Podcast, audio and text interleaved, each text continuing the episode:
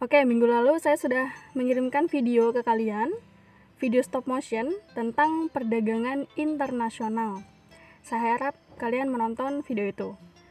Di sini saya akan mengulas sedikit tentang perdagangan internasional yang sudah ada di video. Jadi saya akan menerangkan sedikit, lalu sisanya saya akan bercerita. Saya akan bercerita kisah di balik situasi wabah seperti ini. Oke, pertama-tama perdagangan internasional. Sebelumnya saya sudah membuat grup grup WhatsApp ke kalian. Saya di situ sudah uji coba. Sudah saya tanyakan ke beberapa siswa. Apakah kalian masih ingat tentang pelajaran minggu lalu? Di grup saya tanya begitu.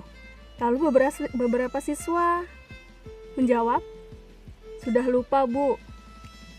Bu, kami kerjanya tiduran, Bu. Bu, otak kami sudah lockdown. Oke, saya tidak menyalahkan kalian. Saya paham situasi seperti ini.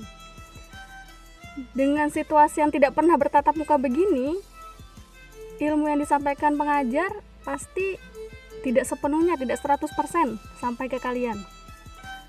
Yang kita tatap muka seminggu dua kali saja, ilmunya tidak sampai 100%, apalagi dengan situasi seperti ini. Jadi saya paham. Oke, Perdagangan internasional adalah perdagangan barang dan jasa yang dapat diwakilkan penduduk atau badan negara lain berdasarkan kesepakatan bersama. Jadi, ada kesepakatan antara dua belah pihak, si A dan si B. Si Kim Jong Un dan si Trump.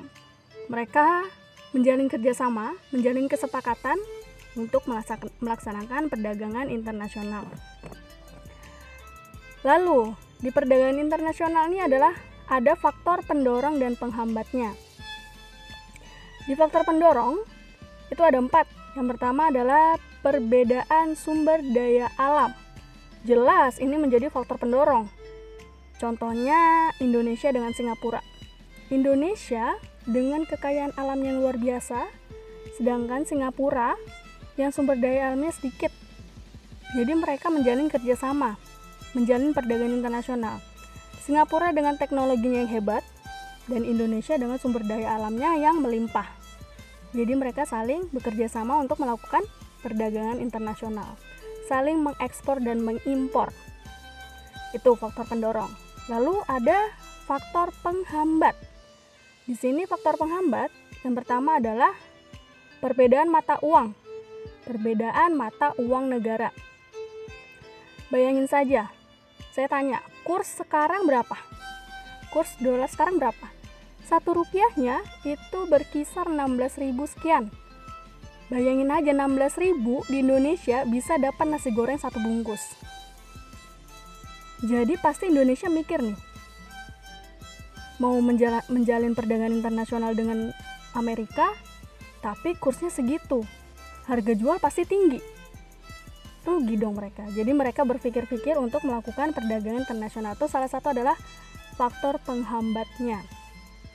Lalu, selain ada faktor penghambat dan pendorong, di sini kebijakan internasional juga ada tarif, ada kota, ada larangan, subsidi, devaluasi, diskriminasi harga, dan dumping. Ibu tanya, kebijakan ini apa sih? Kebijakan adalah aturan. Jadi kalian tuh tidak semena-mena mau menjalin kerjasama, mau lempar sini barangnya, kirim sini barangnya. Tidak, pasti ada kebijakan, ada aturannya. Yang aturannya adalah kalau ke perdagangan internasional pasti ada tarifnya. Tidak semena-mena langsung nembak harga segini, anu segini, tidak. Jadi ada tarifnya yang ditentukan, lalu ada kotanya juga, tidak semena-mena mengirimkan barang dengan beratnya segini, beratnya segini, tidak, pasti ada kotanya. Ada larangannya, ada subsidi, devaluasi, diskriminasi harga, dan dumping. Dan yang terakhir, yang terakhir adalah dampaknya. Tadi sudah membahas faktornya, kebijakannya, sekarang adalah dampaknya. Dampak dari perdagangan internasional pasti ada positif dan negatifnya. Dampak positifnya terpenuhi kebutuhan dalam negeri. sudah pasti dengan adanya perdagangan ini pasti kita saling me saling melengkapi. Terpenuhi kebutuhannya masing-masing negara. Lalu majunya iptek seperti tadi Ibu, Ibu jelaskan Singapura dengan Indonesia. Kalau Singapura dan Indonesia menjalin kerjasama otomatis Indonesia ipteknya akan lebih maju dampak negatifnya? Dampak negatifnya kurangnya minat dalam negeri. Jadi gini sebagian masyarakat di negara ini punya mindset berpikiran bahwa ngapain sih beli barang dari luar?